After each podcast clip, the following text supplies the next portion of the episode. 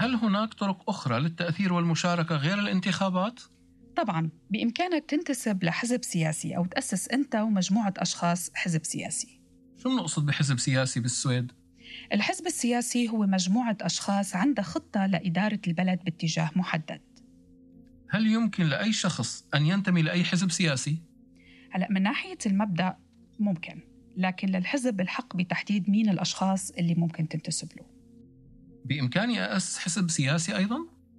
آه، أي شخص ممكن يحس يأسس حزب سياسي بالسويد بيحتاج تختار اسم للحزب وتقدم هذا الاسم للفول مينديكيتن لحتى تشوف إذا الاسم محجوز أو لا ولازم يتحدد مين رئيس هذا الحزب هل بإمكان هالحزب يترشح للانتخابات أيضا؟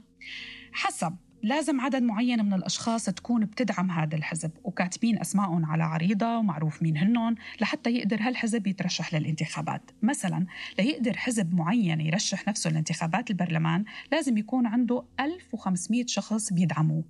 إذا بده يترشح للانتخابات المقاطعات أو انتخابات الريجيون بنسميها بكفي يكون عنده 100 شخص.